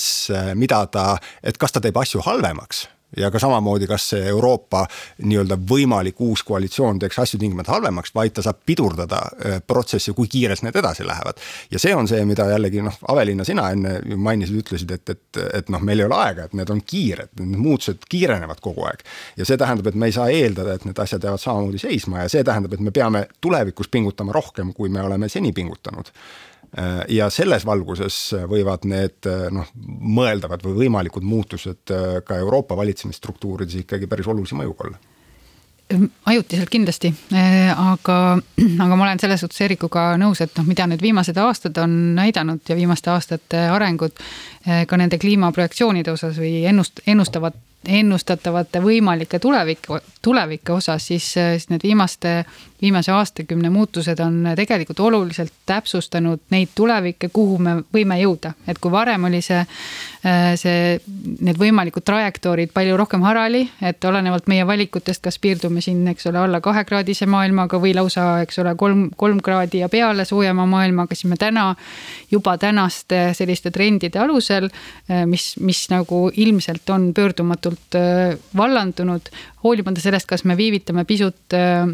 mingite konkreetsete poliitikatega või mitte, me ilmselt oleme või me oleme täna juba oluliselt äh, kitsendanud ülemaailmselt seda tule, võimalikke tulevike osa, osa nii-öelda. me oleme kitsendanud väga halbadesse kohtadesse. me oleme kitsendanud seda tõesti mitte, mitte nendesse, et me oleme eh, võtnud ära nii ülevalt kõige halvematest eh, pooltest osa, eh, aga ka kahjuks juba väga napilt likvideerinud tõenäoliselt need kõige oodatavamad tulevikud, ehk siis see ühe koma viie pea kahekraadine maailm. nii et, et me oleme noh, tõenäoliselt ikkagi suundume mingisuguste äh, ohtlike või suundume ohtlike maailmade suunas, aga mitte nii tempokalt, kui võis veel võib-olla karta siin kümme aastat tagasi aga mis, mis võivad tulla, noh, mis võib äh, nii-öelda juhtuda veel on, on ikkagi noh, näiteks selle fossiilse äh, ajastu äh, noh, viimased korinad, et need kestavad ikkagi kauem, et. et mida aastad on siin viimased aastad näidanud, et kuigi need igasuguseid arenguid on siin roheenergeetika vallas, siis endiselt subsiidiumid, nii otsesed kui kaudsed, mida me fossiilkütustele maksame nii riikides noh, erinevate riikidena globaalselt, need on kasvanud meil on äh, eelmine aasta, IMF teeb iga aasta, eks ole, teeb äh, ülevaate sellest, et kui palju otseseid ja kaudseid subsiidiume läheb endiselt selle fossiil, fossiilkütuste nii-öelda ülalpidamiseks, toetamiseks, need moodustavad seitse protsenti kogu maailma SKP-st, eks ole. ja on pigem kasv-, kasvamas trendis ja ennustatavalt või ütle, öeldakse või arvutatakse, et kui me kui me täna need subsiidiumid eemaldaksime, siis see fossiilkütuste õiglane hind üsna kiiresti nagu viiks, äh, äh, viiks selle üldse konkurentsivõimest absoluutselt välja ja kiirendaks. Äh, ja me suudaks juba saavutada, ma ei tea, nelikümmend kolm protsenti sellest eesmärgist, mida me tahame puhtalt nende subsiidiumite eemaldamisega. aga et, et me võime nüüd uue, uute valitsustega, uue Euroopa võimaliku suunaga seda pisut aeglustada, aga, aga tõepoolest me ei pane seda, me ei pane seda pausile, aga mis ma tahtsin veel välja tuua, on ikkagi see kohanemine üldse, et me lähme täna siiski äh, vääramatult äh, nii-öelda kehvema tuleviku suunas, et et nagu öeldakse, et mis see oli, this is the warmest year so far. Et, et, et siis iga aasta toob meile uusi ootamatusi, võib-olla kui nüüd see El Niño periood, mis praegu kestab, natukene leevendub, et siis, siis natuke lähevad need temperatuurid pisut jälle alla. aga laias laastus liigume me selliste ohtlike suundadena, suundade suunas. Ja tegelikult siin Eesti Eestis ma ju tegelikult töötan ka kliimaministeeriumis praegu juhtumisi, et me tegelikult päris reaalselt vaatame otsa sellele, et millised peavad olema meie enda kohanemistingimused või vajadused, isegi kuni, kuni päris inimeste nii-öelda äh, heaoluni välja, et kas meil on äh, nii nagu Prantsusmaal töötati välja, kas meil on süsteem selliseks äh, olukorraks, kui, kui temperatuurid suvel ületavad näiteks nädal või kaks kolmekümmend kraadi ja ei lähegi alla. inimesed ei saagi jahtuda kortermajades, et mis, mis nad siis teevad? kas meil on selleks ette nähtud äh, täna äh, mingisugune nii-öelda töövoog või kui, äh, kui nüüd ütleme kaks tuhat kaheksateist oli viljasaak nelikümmend protsenti väiksem äh, saagikus hektari kohta, kui aasta varem oli olnud ja, ja see kordus nüüd taas, ma täpselt seda protsenti ei tea, palju eelmine aasta oli teraviljasaagikus Äh, väiksem, aga jälle see põud äh, meid on mõjutanud. Äh, aga mõtle, mõelge nüüd, kui see kordub, eks ole, aastast aastasse, näiteks neli aastat järjest on meil, toodame võib-olla vähem, kui me ise, ise tarbime. mis me siis teeme, sööme kõik oma leivavilja või sööme kõik oma, ma ei tea, seemnevilja ära ja siis kust me seda saame võib-olla olukorras, kus. et sellised, sellistele asjadele peame me hakkama nagu roh-, aina rohkem ja rohkem mõtlema välja mingilgi moel Äh, kaardistama neid ennustamatuid äh, ohtlikke tulevikke ka riigina. no Eesti jaoks ilmselt aitab see, kui see neljakümne kraadine kuum, mis eks ole, Inglismaad äh, sel suvel tabas ja, ja, ja Belgia madalmaad ka midagi sarnast tajusid, et see, kui see ka meil käib mõne päeva jooksul üle, et siis see jõuab nii-öelda oma nahatunne kohale, aga ühtlasi peame siis ka selle käsil oleva demokraatia pidupäeva aasta kus on nii palju valimisi nii paljudes riikides äh, üle elamas, sest oma paradoksaalsel kombel nagu nii palju valimisi noh, paljudel juhtudel siiski päriselt demokraatlikes riikides ei ole jah, sooduspinnas selleks, et neid fossiilkütuste subsiidiume vähendada, et see pigem ikka mõjub hoopis vastupidises suunas, et et nii-öelda tehakse võimulolijate poolt äh, populaarseid otsuseid ja antakse äh, kulukaid lubadusi ka edaspidiseks, et et jah, see demokraatia mudel äh, ei tööta kahjuks või õnneks äh, nii-öelda kliimaprobleemidega alati nii-öelda ühte sammu et.... mina mõtlesin ka sama asja, et, et kui see mm, äh, noh, mõte oli see, et, et, et vaata, et kui, kui need subsiidiumid ära kaoksid fossiilkütustelt, et siis nad kaoks turult ära. Mm, ma petiks teistpidi, et, et see läheb teistpidi, et kui need subsiidiumid ära kaovad, et, et siis tagajärjeks ei ole mitte see, et fossiilkütused kaovad turult ära, vaid tagajärjeks on see, et subsiidiumid tulevad tagasi. et, et see, äh, see on asi, et isegi sellel jah, e-, Erik, ma selles mõttes ka loomulikult tean seda tausta ka majandustaustaga on ju, suudan hinnata seda argumenti, öelda, et jah, et äh, see üleminek pikemas perspektiivis mingi aja jooksul on kasulik, aga et see kasu ei jagune ühtlaselt üle kõikide mm, ühiskonnarühmade on ju, eks, ja haavatavad rühmad, äh, kas siis õigusega või mitte, on ju, eks sageli näevad seal väga suurt ähvardust ja ohtu. et sa noh, siin, siin võib mõelda tagasi näiteks ütleme siin Thatcheri aegsetele söekaevanduste kaevanduste kinnipanemistele, mis noh, oli ilmselgelt mõistlik otsus nii sellel ajal kui ka tagasi vaadates on ju, eks, aga see lõhestab äh, Briti ühiskonda tänase päevani et see on, need on, need ongi hästi keerulised, valusad valikud. ja nüüd üks asi veel, mm, kus ma tegelikult ka sinuga nõus olen, et, et mingis mõttes see, see protsess on tänaseks jah, pidurdamatu selles osas, et see ei ole lihtsalt asi, mida veab mingi administratiivne seltskond või valitsus kuskil, vaid on toimunud majanduses tegelikult struktuursed muutused siin juba hulk-hulk aastaid tagasi. Volkswagen ise otsustas, et, et nad võtavad selle, et nad lähevad üle täielikult elektriautodele, nad phase ivad välja ICU. Äh, ja, ja see on asi, kus noh, see valik ja otsus otsus on, on tehtud ja seda valitsus noh, saab võib-olla natukene toetada või, või takistada mingil moel, aga see, need, need valikud toimuvad juba selle majandusstruktuuri sees. samamoodi üks asi, mida ma mingi hulk aastaid tagasi jällegi ühel Euroopa mõttekodade kokkusaamisel ühe Saksa keskkonnamõttekoja inimeselt kuulsin ja mis pani mind tõsiselt mõtlema, oli see, et, et Saksamaal, me läheme nüüd natuke tagasi metsanduse sektori juurde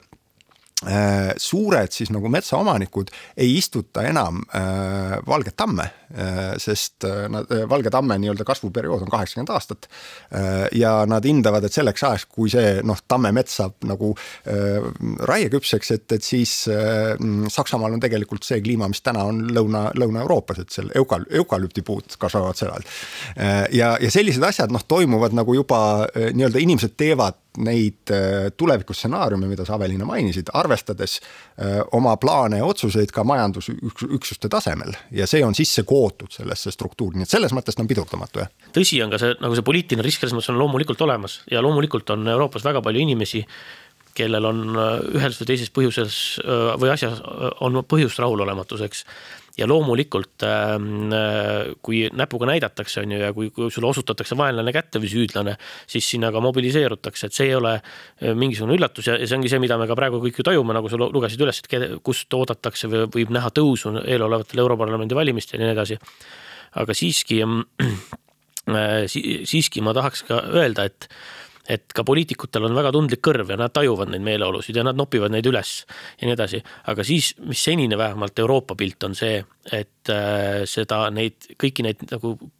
kahtluse alla seadmisi ja pidurdamisi, vähemalt nagu mainstream, need peavoolupoliitilised parteid, nad valivadki välja mõned märgilised asjad ja teevad seal mingisuguseid formaalseid selliseid tagasipöördeid. nagu see Briti näiteks ähm,, Briti nõue, et aastast kaks tuhat kolmkümmend viis peavad olema kõik autod elektrilised. et midagi muud nagu ei tohi toota enam, nii edasi. see pöörati tagasi, sellele järgneski autotootjate suur pahameel selle peale, et mi, miks te mängite edasi-tagasi, et meil on juba plaanid tehtud, meie kavad on tehtud selle asja peale, et kehtib see eelmine reegel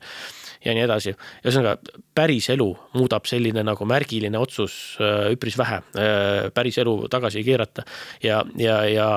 ka suures plaanis tegelikult ongi Euroopa Liit nüüd äsja selle viimase viieaastase perioodiga võtnud vastu väga põhjalikud, süsteemsed ja keerulised äh, keskkonna valdkonna õigusaktid, neid on terve pakett, suur pakett, kogu see Euroopa rohelepe nii-öelda. ja, ja seal on äh,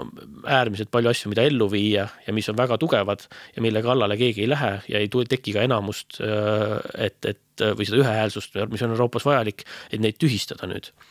ja ma, ma toon kasvõi ühe näite, mis näiteks globaalset muutust dikteerib, on see millest Eestis väga vähe räägitakse, on seda nimetatakse siis selleks süsiniku äh, piirimeede, mille iva on see, et Euroopa Liitu ei saa enam tuua Äh, mujal saastavalt toodetud äh, võtmekaupu, äh, mingisugused teatud, sinna alla kuuluvad teatud materjalid, betooni no,. saab mater..., aga sa pead maksma. just, et siis sa pead hakkama ka maksma sedasama süsinikumaksu, mis kehtib Euroopa tootjatele ja, ja see on tegelikult väga tugev signaal maailmale, kui maailma kõige rikkam ja kõige suurem turg, kes kõige rohkem selliseid nagu Äh, kaupu erinevaid ostab paljude tootjate käest, äh, peavad hakkama neid nõudeid järgima, loomulikult nad ei loobu sellest turust, vaid nad hakkavad neid nõudeid järgima. ja nii edasi, et, et see, see. selles ja, kontekstis ja, on Euroopa Parlamendi valimistel küllaltki suur kaal, et, et, et seal see nii-öelda süsiniku piirimaksu juures ja ka noh, muude e, nii-öelda regulatiivsete eestvedamiselementide juures jah, seda liigset pidurdumist ei tuleks. jah, just ja, ja, ja, ja ma ütlengi, et ma, mina väidan, et, et seda väga ei tule, ma ei näe seda ka EPP-s täna, täna tuli välja sellel päeval, kui me salvestame seda äh,, seda podcast'i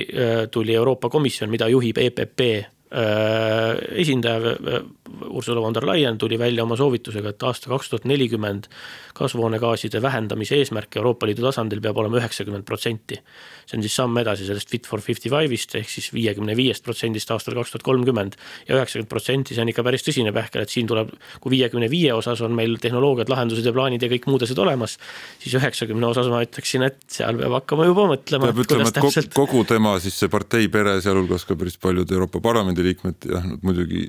ei, ei aplodeerinud sellele, tegid, tegid sellist retoorilist kära või teevad seda loomulikult no, silmas pidades valimisi, mis nad nagu päriselt mõtlevad, noh, see on võib-olla ratsionaalsem selle all. aga just, aga see, et ta sellega välja tuli, näitab ka ühtlasi seda, et mitte kogu EPP ei ole otsustanud saata kogu äh, kliimapoliitikat Äh, puu taha, vaid äh, seal sees tekitatakse neid nii-öelda sellise poliitilise debati kohti, et, äh, et püüda erinevaid selliseid tunnetusi ühiskonnas või erinevaid meelsusi kuidagi peegeldada. nojah, siin meil ongi nüüd oht purjetada hoopis teistele vetele, on ju, eks, aga see lihtsalt remargi korras ma tahangi ka siia vahele öelda, et et ega EPP ei ole loomulikult üks sihuke suur homogeenne äh, siiami kaksikute pere, on ju, eks. Or-, Orbanist von der Leyenini. no Orban enam ei ole küll vist tehniliselt isegi, on ju, eks, aga, aga tõesti, tõesti, seal on see, et ja EPP hoiakud samamoodi on aja jooksul muutuvad ja, ja seal on seda plastilisust võib-olla natukene rohkem kui mõnes teises Euroopa Parlamendi rühmas, noh mõeldes näiteks Renew Europe'i või, või siis ka PES-i peale on ju, eks. et see lihtsalt ajalooliselt Euroopa, mitte ajalooliselt, viimaste viimase kümmekonna aasta jooksul on see üldine nagu tendents olnud Euroopas, et peavoolu konservatiivsed erakonnad on tundnud rohkem seda ähvardust far-right'i äh, valijate poolt, et nad kaotavad valijaid sinna, mis tähendab, et nad oma poliitilisi hoiakuid ja vähemalt retoorikat korrigeerinud sinnapoole. noh, Saksamaal praegu on see, see, et kus CDU on tõsises hädas selle AfD sellesama õhkssoojuspumpade äh, jamaga, et, et mis seisukoht seal võtta on ju, eks ja see, see noh, see on, see on hästi liikuv, liikuv maastik ja sellepärast mina ikkagi näen seal äh, muret ja ohtu selle osas, hoiame noh, sõrmed ristis ja, ja hoiame pöialt, loodame, et see läheb paremaks. Äh, või ei lähe, ei rakendu need nii-öelda poliitikas need halvad maailmad, millele Aveliina siin kliima osas viitas, aga, aga see, see mure mul ausalt öeldes äh, on. Aga äh, korraks veel äh, siia lõppu võib-olla on hea hetk mõelda sellest, et just, et, et kui me rääkisime siin praegu eelkõige jah, noh, seesama Euroopast ja Lõuna-Euroopast ja Eesti asjadest, et, et vaadata siis korraks veel nagu laiemalt noh, kuhu poole globaalselt need valikud lähevad. Ja siin me mainisime korraks möödaminnes on Hiinat, et, et siis see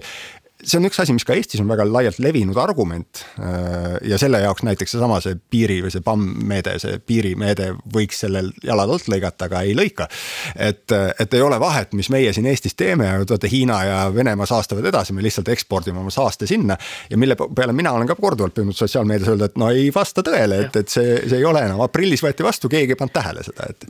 üks asi see ilma, ka ilma selle CBAM-ita ehk siis süsiniku piirimeetmeta ei, ei vasta see kuidagi tõele, mina nimetan seda argumenti äh, aga Hiina mm., mida alati visatakse, et aga Hiina ei tee midagi. siis see on noh, nagu lihtsalt sisuliselt täiesti vale. et Hiina on absoluutne maailma liider äh, taastuvenergia kasutuselevõtus, ta teeb rohkem nii päikest kui äh, meretuult, kui, kui maismaatuult, kui teised lääneriigid kokku ta teeb rohkem autosid kui äh, keegi teine maailmas ja elektriautosid siis nende kasutuselevõtt on. Euroopa autotootjate probleem on praegu selles, et nad lihtsalt magasid selle hetke maha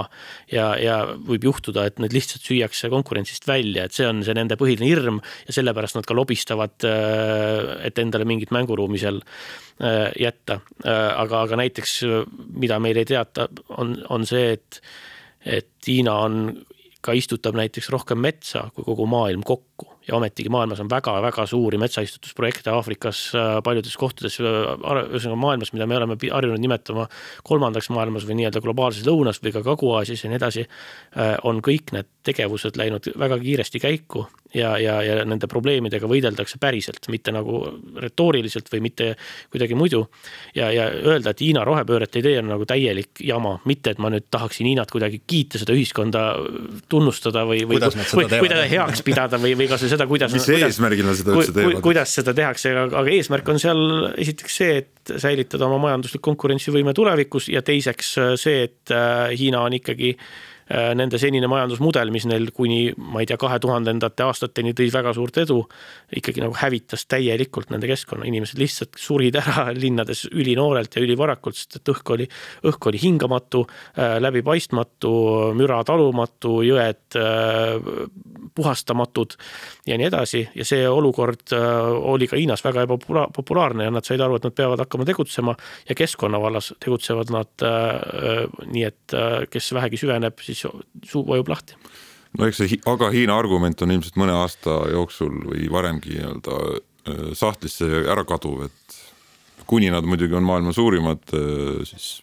kasvuhoonegaaside heitjad ja ei ole nagu seda selgelt veel allapoole seda kõverat suunanud, et siis, siis on, leiab alati neid sii-, siilikesi, kes äh, põõsast saavad nagu Hiina argumenti kasutada, aga noh, see trend loodetavasti muutub üsna varsti. jah, suurim saastaja loomulikult on nad endiselt ja siiamaani ka nende kasvu, nende kasvuhoonegaaside heide on ju, kasvabki, aga noh, ongi Hiinal oli, see oli kogu aeg teada, et see juhtub ja, ja Hiina plaan oli, et aastast kaks tuhat kolmkümmend enam ei kasva aga tegelikult jõuavad nad selleni nüüd ilmselt käesoleval aastal, et Hiina äh, heitmed enam ei kasva Äh, ma arvan, et Hiina on olnud võib-olla üks esimesi riike, kes hästi süsteemselt on seda tulevikku enda jaoks nagu kaardistanud. ja, ja need sammud, mida nad on astunud viimase võib-olla kahekümne aasta jooksul on isegi, on ka kliimavaatest läbi mõeldud. vähemalt äh, selline mulje jääb alates sellest, kuni, kui nad, eks ole, on, alustasid oma, oma seda äh, uut Belt Road'i, eks ole, ja, ja seda kontseptsiooni kaardistades ka noh, Põhja-Jäämere nii-öelda jäävaba aja eh, tuleviku tegelikult ära. ja, ja teiseks ka nende, ilmselt nende emissioonide osas, eks ole, suur laev eh, pööramiseks, aga, aga, aga eeldatavasti on neil see kontseptuaalselt läbi mõeldud päris pikalt. ja ma tooksin esile, et neil on juba paarkümmend aastat, isegi rohkem, on äh, on neil käibel selline termin nagu ökoloogiline tsivilisatsioon, et Hiina on ecological civilization. Äh, ja see, sellest on äh, noh, ka nende see, nende Nende partei on avaldanud sellise pulla äh, teemal, kuidas Hiina jõuab, eks ole, selle ökoloogilise tsivilisatsiooni saavutamiseni ja see hõlmabki äh, sellist laia kontsepti loodus, loodushoiust, äh, looduse taastamisest, kliimateemadest ja siis sellisest nägemusest, eks ole, kuidas üks suur riik peaks toimima. ja, ja väga huvitav on seda nagu kõrvalt ju vaadata, et kuidas, ähm, kuidas sellises ühiskonnas, kus, kus seda võib-olla diskussiooniruumi nende arengute üle on vähem, äh, kuidas siis seda nägemust ellu viiakse, et ma usun, et see on üsna, üsna süsteemne olnud jah, ja selle rääkides sellest aga Hiina äh, argumendist, äh, siis jah, ma, ma ka siin mingi kuu-paar tagasi huvi korras lihtsalt tegin kiirelt selle arvutuse läbi ja tõesti nii nagu ma arvasin, et äh, ongi see, et, et Eesti ja Hiina siis kasvuhoonegaaside heide elaniku kohta on tegelikult täpselt sama. täpselt sama on hetkel jah, ja, ja veel, et iga võiks ju niimoodi ka mõelda, et iga osa maailmast koosneb väikestest Eestist, Estidest ja ka ja ka Hiina ja ka, ja ka kogu maailm, et või lõpuks ka lihtsalt inimestest jah, et selles suhtes ma olen nõus loomulikult, et, et sellistel suurtel noh, keskkonna ja kliimateemadel tegelikult äh,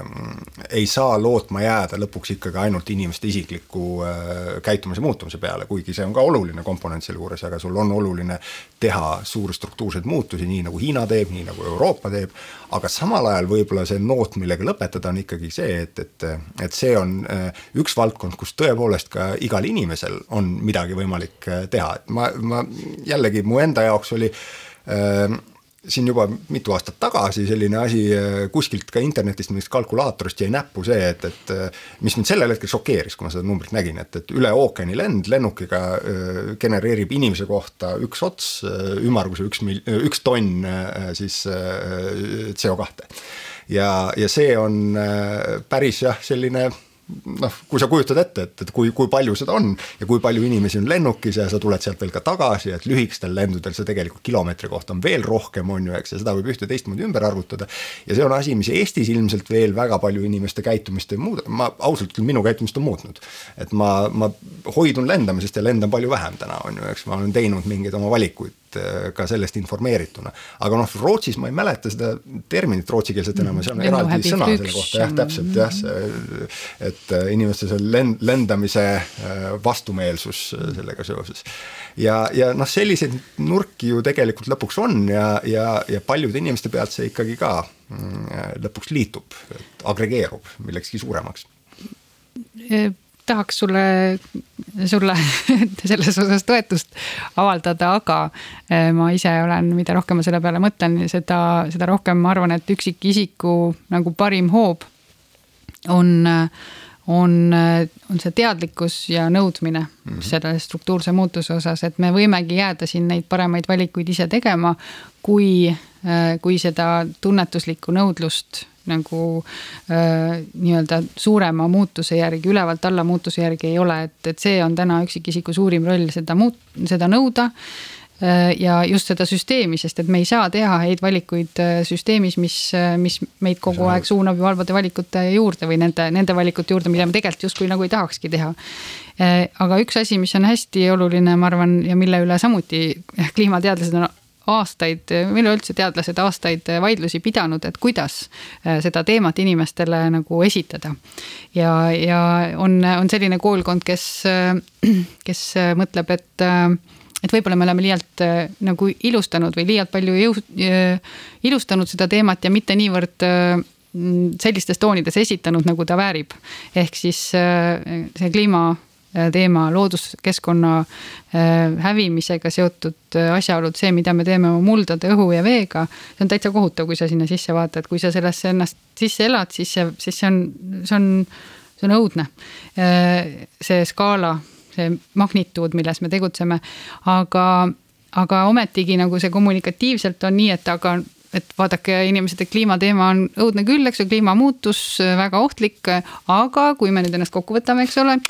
igaüks siin, Tarmo lendab vähem ja kõik siin kohvitopsid. et siis ja nüüd ikkagi ennast kokku võtame, siis me saame nagu igasugu hulle asju ära hoida. et on ja on suur koolkond teadlasi, kes tõepoolest äh, arvab, et, et ka teadlaste kommunikatsioonis peaks just see jõustamine. et äh, praegu me saame asju teha ja me peame seda tegema ja, ja see peab ka iga kommunikatsiooni juures olema, see selline positiivne jõustamine. ja siis on, eks ole, teine ports teadlasi ka tõusnud, kes ütleb, et aga äkki me sellega olemegi uinutanud inimesed nüüd nii ära. et pole lugu, ärge muretsege.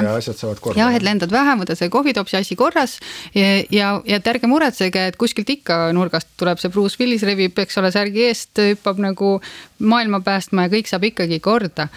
et, et ma arvan, et see tõde on seal kuskil vahepeal, et esiteks, et inimesi ei, tõepoolest ei tohi ära uinutada äh, nii-öelda mitte ise huvi tundma selle vastu, kuivõrd suur see ja massiivne see probleem on äh, Nad peavad sellesse sisse elama, ma näen oma tudengite pealt seda, nad tulevad, eks ole, kursusele, globaalmuutuste kursusele ja nad lähevad sealt ära ikkagi noh mm,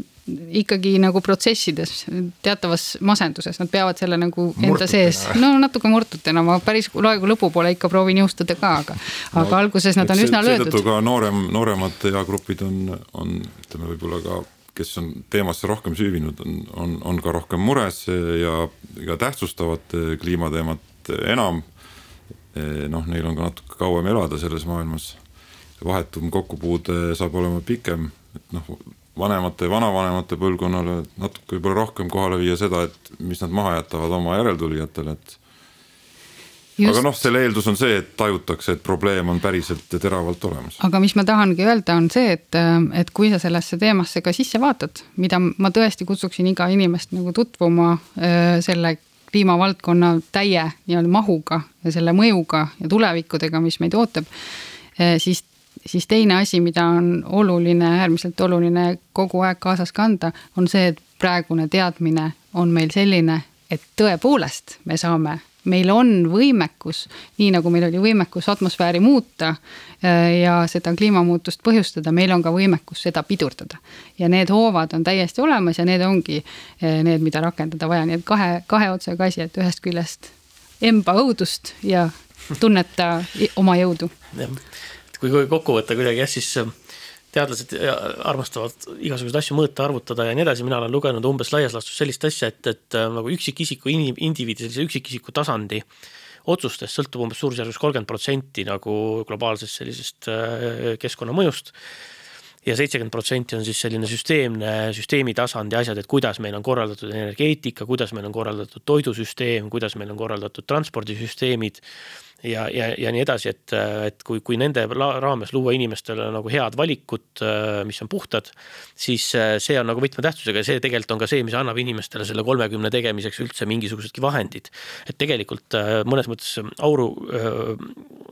õigelt asjalt kõrvale juhtimine on see, kui me väga palju tähtsustame niisuguseid asju nagu kas sa jätad oma laadija sisse või, või kas sa pesed nõudepesumasinaga või kas sa, mis, mil, kuidas sa veel oma pesu pesed või mis sa teed, et lõppkokkuvõttes need on tegelikult ikkagi täiesti pisiasjad asjad kõik. et, et sellepärast ma toetan ka seda, mida Aveliina ütles, et, et oluline on, on, on tajuda seda, et muutused on võimalikud, aga et need muutused peavad olema hästi suurel ühiskondlikul äh, tasandil. Neid muutusi tuleb julgelt nõuda, äh, neid, neid nagu toetada ja, ja, ja nõuda ühiskondadele, ehk siis seesama sõnum, et, et inim-, inimesed on inimkonnal on praegu veel see võimalus, me saame seda teha. Äh, me, see on meie kätes, laias laastus nii võiks seda nagu lihtsas eesti keeles öelda. ja teiseks on see, et meil on väga kiire et see on see sõnum, mida tahaks öelda, et lihtsalt reaalselt, mida ei, ei unustata, on see, et, et iga juba kaotatud kümnend läheb nagu väga palju maksma selleks, et hiljem on, on raskem ja, ja paratamatum ja veel üks viimane punkt, mida, mida ka siia, mida väga sageli, millest maailmas väga palju räägitakse Eestis ei taheta sellest üldse rääkida, on see, et äh, aga, aga see on nende debattide üks niisugune osa, millest tuleb, tuleb nagu olla empaatiline, ma ütleksin. on siis see ka, et tuleb aru saada, et, et ajaloolisest äh, saastest ja keskkonna hävitamisest ähm, ning ka praegu äh, saastest ja keskkonna hävitamisest teeb maailma jõukam kümnendik umbes ikkagi üle poole ehk siis äh, see, see pärand on, on nii selgelt nagu jõukamate lääne ühiskondade äh, kukil see koorem. Ja seetõttu tähendabki seda, et meie peamegi tegema oma asju natuke veel kiiremini, olema valmis toetama ka muudel ühiskondadel sedasama ülemineku tegemist ja, ja see võib olla asi, mis on jällegi paljudes ühiskondades nagu raske alla neelata justkui. et meil, meil niigi kehv siin ja me, miks me nüüd veel hakkame kuidagi kedagi veel aitama või tegema mingisuguseid mööndusi selleks, et anda näiteks Indiale mänguruumi rohkem saastata, mida nad nõuavad ja, ja tegelikult ka väärivad, on ju. Siis, siis aga nii see on, et see on ilma selleta me globaalselt seda muutust ei saavuta aga võib-olla see ongi nüüd see koht, kus on paslik joon alla tõmmata, et eh, selles mõttes seesama, mida Aveliina, sina ja Eerik, sina praegu ütlesid, et, et, et eh, see ei piisa lihtsalt eh, sellest, et indiviidi taseme otsustest selleks, et, et asjad oluliselt kuidagi tulevikus paremad oleksid, aga me saame neid indiviidi taseme otsuseid koos teha, olla teadlikud, nõuda, et need struktuursed muutused tuleksid, sellega on kiire, aga õnneks meil kõigil Euroopas saab nüüd kohe juuni alguses olema see võimalus neid asju asju nõuda. Äh, ja, ja see on võimalus, mida siis ähm, võib, võikski niimoodi kokku võtta, on, on väga oluline ära kasutada, et äh, kasutagem seda kõik siis targalt.